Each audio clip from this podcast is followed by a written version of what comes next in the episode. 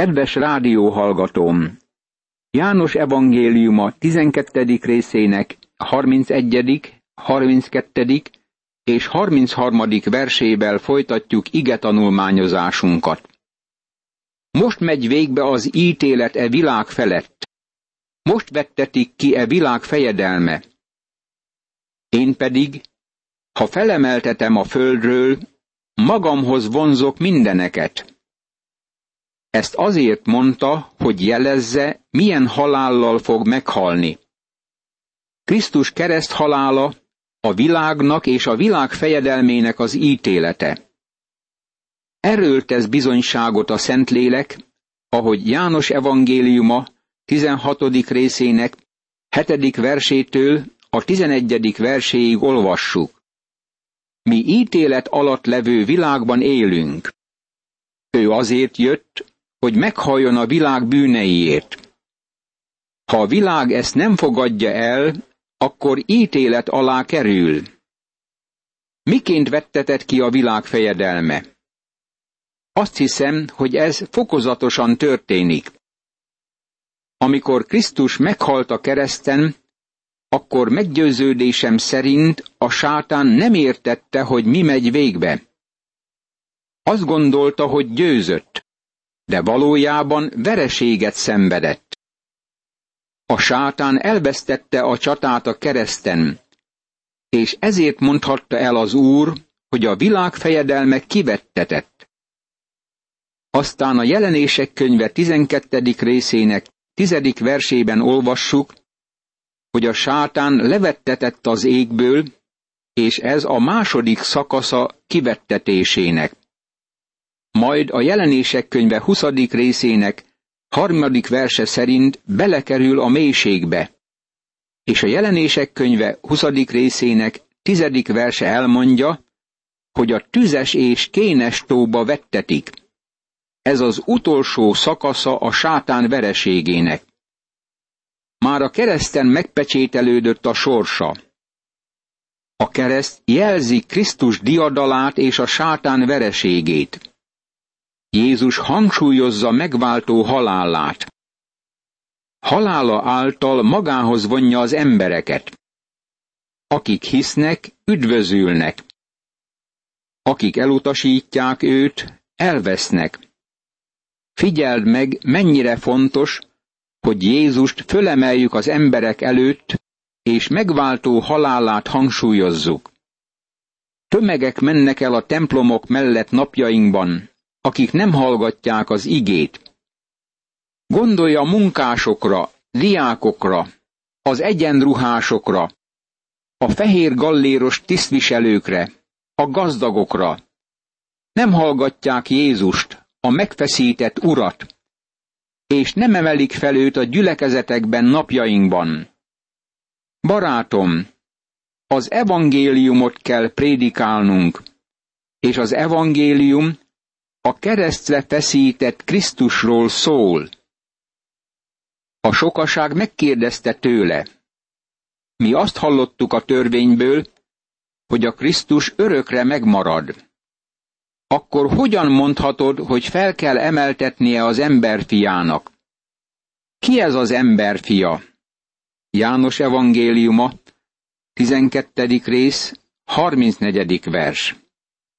A tömeg zavarba került. Ezt mondták. Amikor Krisztus eljön, akkor örökké uralkodik. És most azt mondja, hogy nem marad itt, hanem meghal. Egyszerűen nem értették a kijelentést.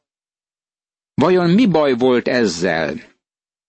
Jézus ezt mondta nekik. Még egy kis ideig közöttetek van a világosság. Addig járjatok a világosságban, amíg nálatok van, hogy a sötétség hatalmába ne kerítsen titeket. Mert aki a sötétségben jár, nem tudja, hová megy. Amíg nálatok van a világosság, higgyetek a világosságban, hogy a világosság fiai legyetek. Ezeket mondta Jézus, majd eltávozott és elrejtőzött előlük. János evangéliuma, 12. rész, 35. és 36. vers. Jézus visszavonul, és ezzel véget ér nyilvános szolgálata. Soha sem jelenik meg nyilvánosan addig, amíg el nem jön a földre, hogy megalapítsa királyságát. Noha ennyi jelt tett előttük, mégsem hittek benne, hogy beteljesedjék Ézsaiás próféta szava, amely így hangzik. Uram, ki hitt a mi beszédünknek, és az Úr karjának ereje ki előtt lett nyilvánvalóvá. Azért nem tudtak hinni, mert Ézsaiás ezt is mondta. Megvakította a szemüket, és megkeményítette a szívüket, hogy szemükkel ne lássanak, és szívükkel ne értsenek, hogy meg ne térjenek, és meg ne gyógyítsam őket. Ezeket mondta Ézsaiás, mert látta az ő dicsőségét, és őróla szólt. János evangéliuma, 12. rész, 37. verstől a 41. versig. Most megtudjuk, hogy hol volt a hiba. Jól lehet a világ világosságának jelenlétében álltak, nem nyitották ki a szemüket. Ézsaiás proféciája teljesedett be. Itt idézetet találunk Ézsaiás könyve 53. részéből, ami Krisztus haláláról beszél. Krisztus halálát jelezte előttük, és elutasították őt. Vakok voltak, és nem látták a nekik megjelenő világosságot. Olyanok voltak, mint akik fölkelnek reggel, és így szólnak. Ma nem látok. Zárba tartom a szemem egész nap. A másik idézet Ézsaiás könyve hatodik részéből való. Ez kimutatja, hogy megbakította szemüket, és megkeményítette szívüket. Ez valóban igaz, de ebben az összefüggésben kell magyaráznunk. Jézus bemutatkozott nekik, mint mesiás és király. Őt elutasították. Most ő is elutasítja őket. Figyeld gondosan! Mivel nem fogadták el őt, eljött az a nap, amikor ő sem fogadta el őket. Barátom, a világon a legveszélyesebb az evangélium hallgatása, ha utána hátat fordítunk neki. Ha csak hallgatunk és hallgatunk anélkül, hogy elfogadnánk és cselekednénk, akkor eljön az az idő, amikor már nem hallgathatunk és nem láthatunk. Isten, Isten, és övé a végső szó. Mindazáltal a vezetők közül is sokan hittek benne, mégsem vallottak szint a farizeusok miatt, nehogy kizárják őket a zsinagógából. Mert többre becsülték az emberektől nyert dicsőséget, mint az Isten dicsőségét. János evangéliuma, 12. rész, 42. és 43. vers. Ez sajnálatos. Olyanok voltak, mint a mai titkos hívők, akik gyáván félrevonulnak. Mégis találunk-e titkos követők közt két embert, akik leveszik Jézus testét a keresztről. Jézus felemelve a hangját ezt mondta. Aki hisz én bennem, az nem én bennem hisz, hanem abban, aki elküldött engem. És aki lát engem, az azt látja, aki elküldött engem. Én világosságul jöttem a világba, hogy aki hisz én bennem, ne maradjon a sötétségben. János evangéliuma, 12. rész, 44., 45. és 46. vers. Jézus ismétli csodálatos nyilatkozatát arról, hogy ő a világ világossága. Ez folytatása annak a tanításnak, amit a vakember meggyógyításánál kezdett el. Ő megnyitja bárkinek a szemét, aki elismeri, hogy vak, és akinek szüksége van a világ világosságára. Ha valaki hallja az én beszédeimet, és nem tartja meg azokat, én nem ítélem el azt, mert nem azért jöttem, hogy elítéljem a világot, hanem azért, hogy megmentsem. Aki elvet engem, és nem fogadja el az én beszédeimet, annak van ítélő bírája.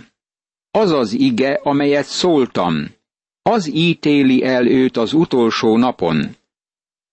Mert én nem magamtól szóltam, hanem aki elküldött engem, maga az atya parancsolta meg nekem, hogy mit mondjak és mit beszéljek. Én pedig tudom, hogy az ő parancsolata örök élet. Amit tehát én mondok, úgy hirdetem, ahogyan az atya mondta nekem. János evangéliuma, 12. rész, 47. verstől az 50. versig. Barátom, minket megítél ez a könyv. Megítél Isten igéje. Nem a cselekedeteink alapján nyerünk ítéletet. Nem az ítél meg minket, ahogy a vallásról vélekedünk. Isten igéjének ítélete alá kerülünk. Jézus először eljött, mint megváltó. Nem azért jöttem, hogy elítéljem a világot, hanem hogy megmentsem. A következő alkalommal úgy jön, mint bíró. Égből jövő hangja még mindig ezt mondja. Ez az én szeretett fiam, őt hallgassátok. Ezzel lezárul János evangéliumának ez a szakasza. Az emberek hátat fordítottak szavának, elutasították királyukat. Amikor ezt tették, a király is elutasította őket. Ő mindig király marad. Most érkezünk János evangéliumának negyedik fő szakaszához. Először tanulmányoztuk az előszót, ami az első fejezet első tizennyolc versét foglalta magában. Azután foglalkoztunk a bevezetéssel, vagyis az első fejezet 19. versétől az 51. verséig terjedő szakasszal. Láttuk az Úr Jézus munkáinak bizonyságtételét és szavainak bizonyságtételét a második fejezettől a tizenkettedik fejezetig. Most érkezünk a tizenharmadik fejezettől a tizenhetedik fejezetig terjedő szakaszhoz, amelyben Jézus tesz bizonyságot az ő bizonyságtevőiről. Ezt az evangéliumot más módon is feloszthatjuk. Az első tizenkét fejezetben a világosság témájáról van szó. Ez beszél Jézus nyilvános szolgálatáról és arról, hogy ő a világosság. A felső szobában mondott beszédeket magában foglaló főbb szakasz a szeretet témáját tárgyalja. Ő szereti az övéit.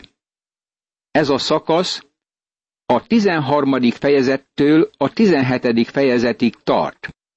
Az evangélium utolsó része, vagyis a 18. résztől a 21. részig terjedő szakasz az életről szól. Ő azért jött, hogy életet hozzon.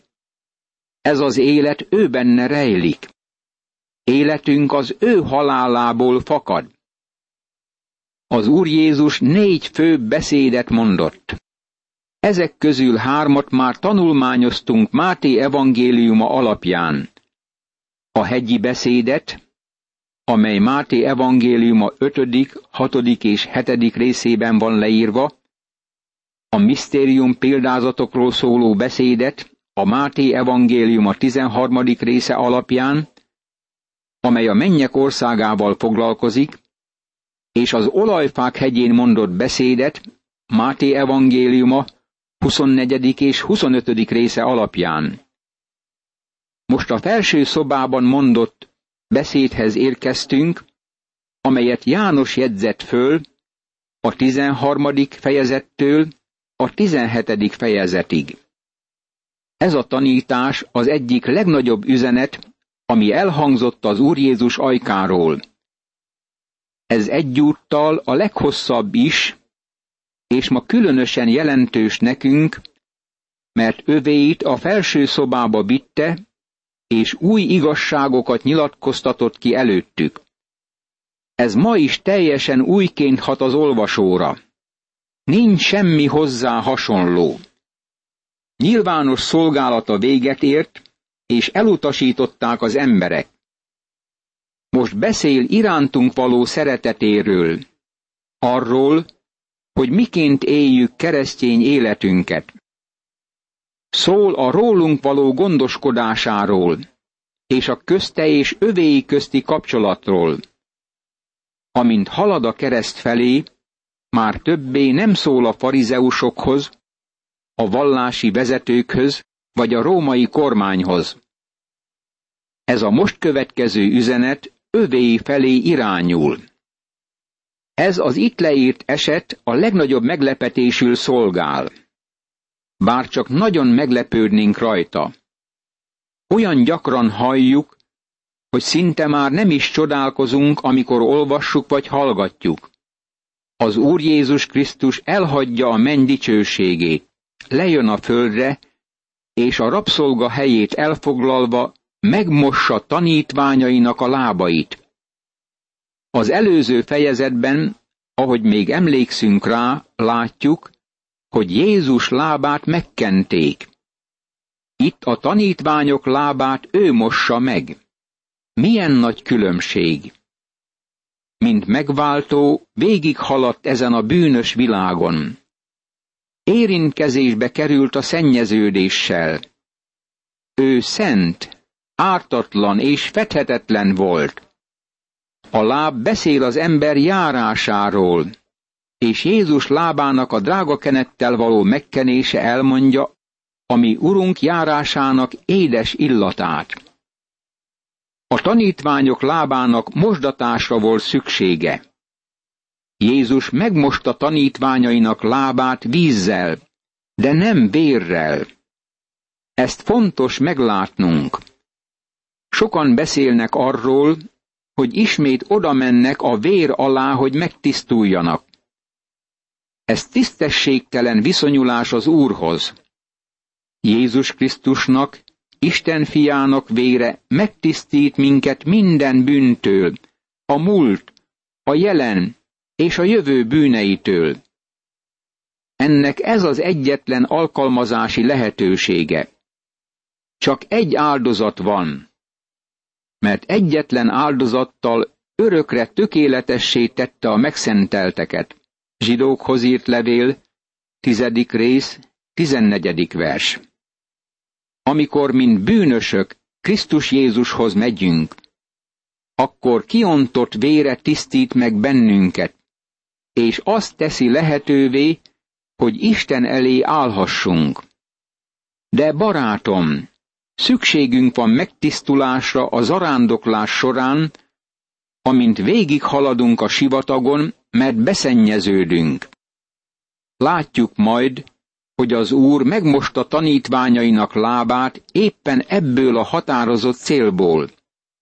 Hármas oka van annak, hogy miért mosta meg a lábukat, és erre majd kitérünk a magyarázat közben. A húsvét ünnepe előtt Jézus jól tudva, hogy eljött az ő órája, amelyben át kell mennie e világból az atyához, jól lehet szerette övéit e világban, szerette őket mindvégig. És vacsora közben, amikor az ördög már a szívébe sugalta Júdás Iskáriótesnek, Simon fiának, hogy árulja el őt. János evangéliuma, 13. rész, első és második vers. Jézus megmosta lábaikat, mert eljött az ideje annak, hogy átmenjen a világból az atyához. Szolgálata tovább folytatódik azután is, hogy visszamegy a mennybe. Azonosult népével, és ma még mindig mossa tanítványainak a lábait. Azt mondja, hogy eltávozik ebből a világból, a kozmoszból, ami azt jelenti, hogy ebből a világrendszerből. Ez az ember világa, a bűn világa. Ez a civilizáció Isten ellenes és Krisztus ellenes, és ítélet alatt áll. mivel az Úr Jézus távozik ebből a világból, megmossa az ő lábukat. A másik oka ennek az, hogy szereti az övéit. Mindvégig szerette őket. Elmegy az atyához, mert szereti az övéit. Meghalt azért, hogy megváltsa övéit, és él azért, hogy megtartsa azokat, akiket megváltott. Csodálatos megváltónk van, és ő szeret minket mind halálig. Isten szeret minket örökké való szeretettel. Nem tarthatjuk vissza őt ettől a szeretettől. A harmadik ok az, hogy egy másik személy lépett be a szobába. Jelen van egy hívatlan vendég. A neve Sátán. A felső szobában tizenhárom szeméről lehet beszélni, de valójában tizennégyen vannak, mert a sátán is megjelenik. A sátán beköltözött Iskáriótes Júdás szívébe, hogy elárulja az urat. Ahol az ördög belép a keresztény munkába, ott az úrnak meg kell mosnia övéinek a lábát. Meg kell mosnia bennünket, ha kapcsolatban akarunk lenni vele. Figyeld meg, hogy ez a Páska ünnepen történt. A vacsora szó szerint véget ért, és egy másik vacsora kezdődött el. Ez nem az úrvacsora. Valójában János nem is jegyzi föl az úrvacsora esetét. Miért hagy ki János egy ilyen fontos esetet? Azt hiszem azért, mert amikor János írt, akkor már voltak keresztények, akik gyakorolták az úrvacsorázást. Nagy veszélye van annak, hogy az ember valamilyen szertartásra helyezi a hangsúlyt az Úr Jézus Krisztus személye helyett. Sokkal fontosabb ismernünk Isten igéjét, mint bármilyen szertartásnak a gyakorlása. Nincs áldás az úrvacsorában Isten igéje ismeretétől függetlenül. Egy apologetika professzor mondta, hogy Krisztus a szívünkben és kenyér a hasunkban. A kenyér a szívünkben nem sokáig marad. Krisztus a lényeges a szívünkben. Azt hiszem ezért van az, hogy János mellőzi az urvacsora leírását. Imádkozzunk! Istenem, köszönöm, hogy újból tanulmányozhatom a Szentírást, és te kész vagy arra, hogy szent lelked által leleplezd a nagy igazságokat, és belevést szívembe és értelmembe. Ámen.